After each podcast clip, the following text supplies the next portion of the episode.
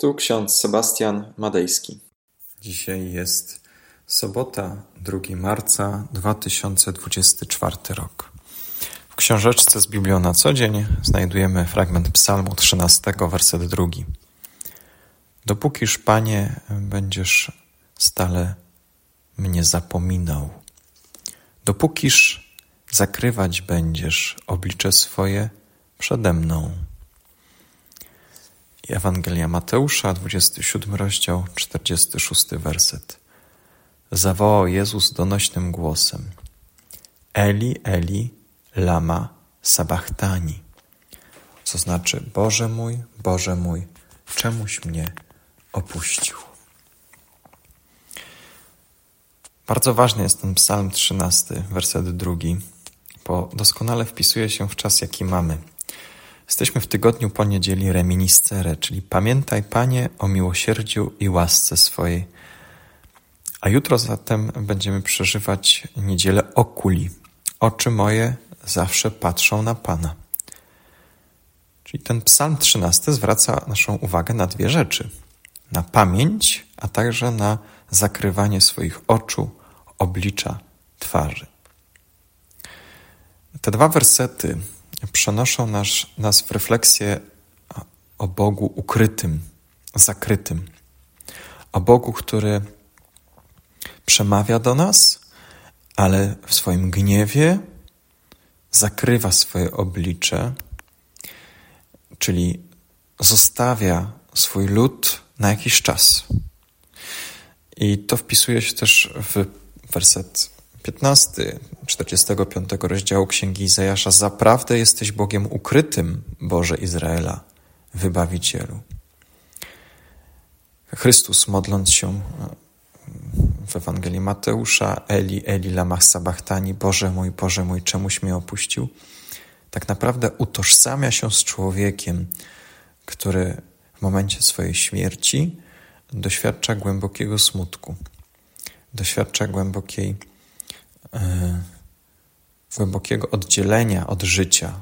Dlatego mówi Chrystus: Boże mój, Boże mój, czemuś mnie opuścił.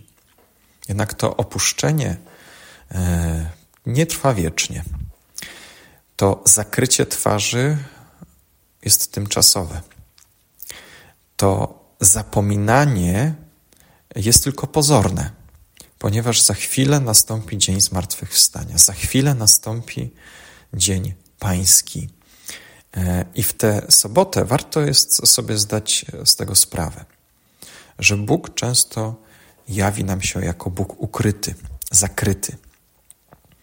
Jednym razem Bóg wydaje się człowiekowi okrutny, mściwy, ale za chwilę odkrywamy, że jest tak naprawdę Bogiem łaski i miłości. Jest Bogiem, który przynosi nam zbawienie i odkupienie. Luther, mówiąc o tej charakterystycznej e, cesze e, Boga, mówi o Bogu ukrytym, który zakry zakrywa się, czy ukrywa się w cierpieniu. Krzyż jest miejscem, gdzie wszechmogący Bóg zniża się do człowieka i zostaje zabity przez ludzi. Bóg umiera śmiercią naturalną postał się jednym z nas.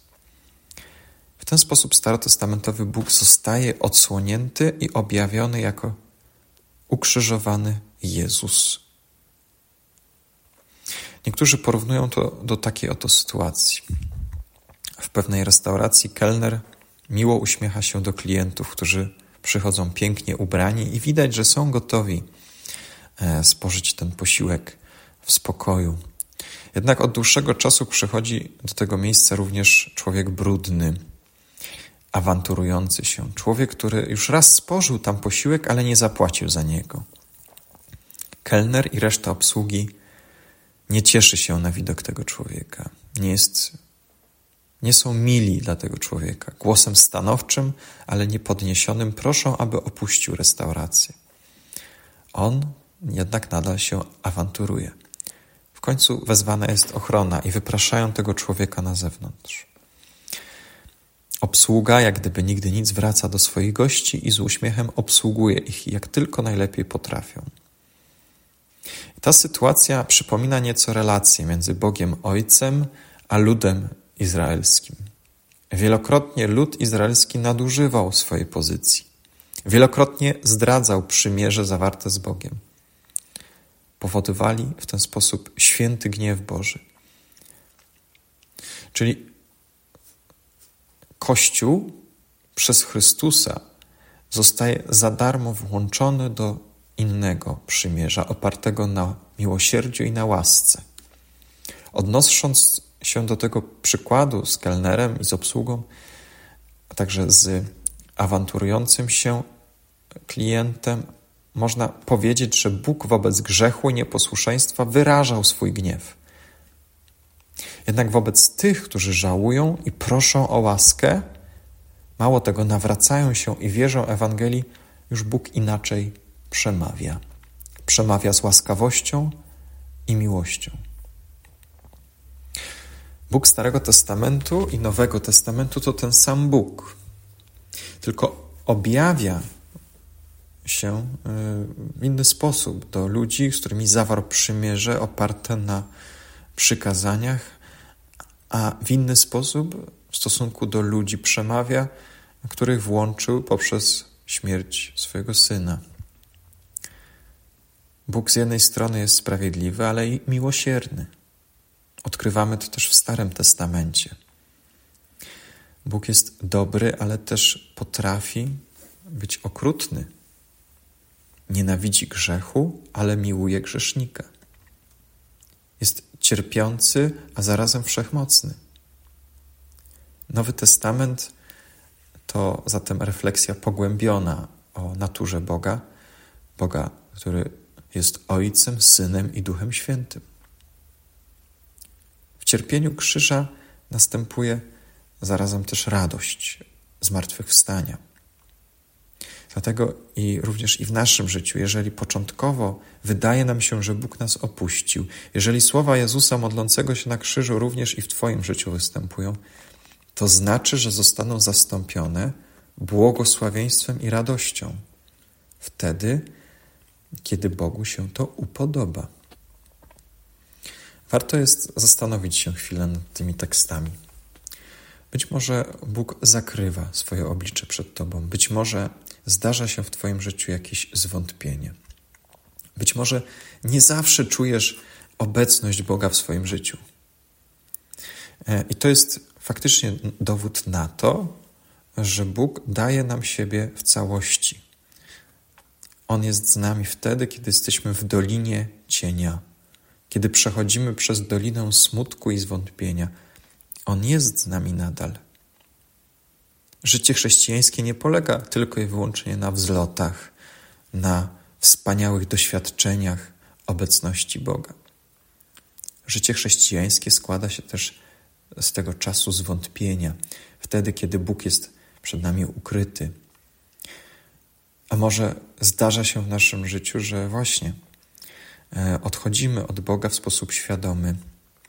Być może jesteśmy tymi awanturującymi się, tymi, którzy domagają się czegoś od Boga. Tymczasem zapomnieliśmy uporządkować jakiś spraw w swoim życiu. Zastanów się chwilę nad tym, e, w jaki sposób doświadczasz Boga. Zachęcam Cię do modlitwy i do odkrycia Boga Wszechmogącego, który jest Bogiem, który umarł za nas na krzyżu, który zrezygnował ze swojej chwały, sławy, swojej mocy, wszechpotęgi, a oddał się w ręce grzeszników.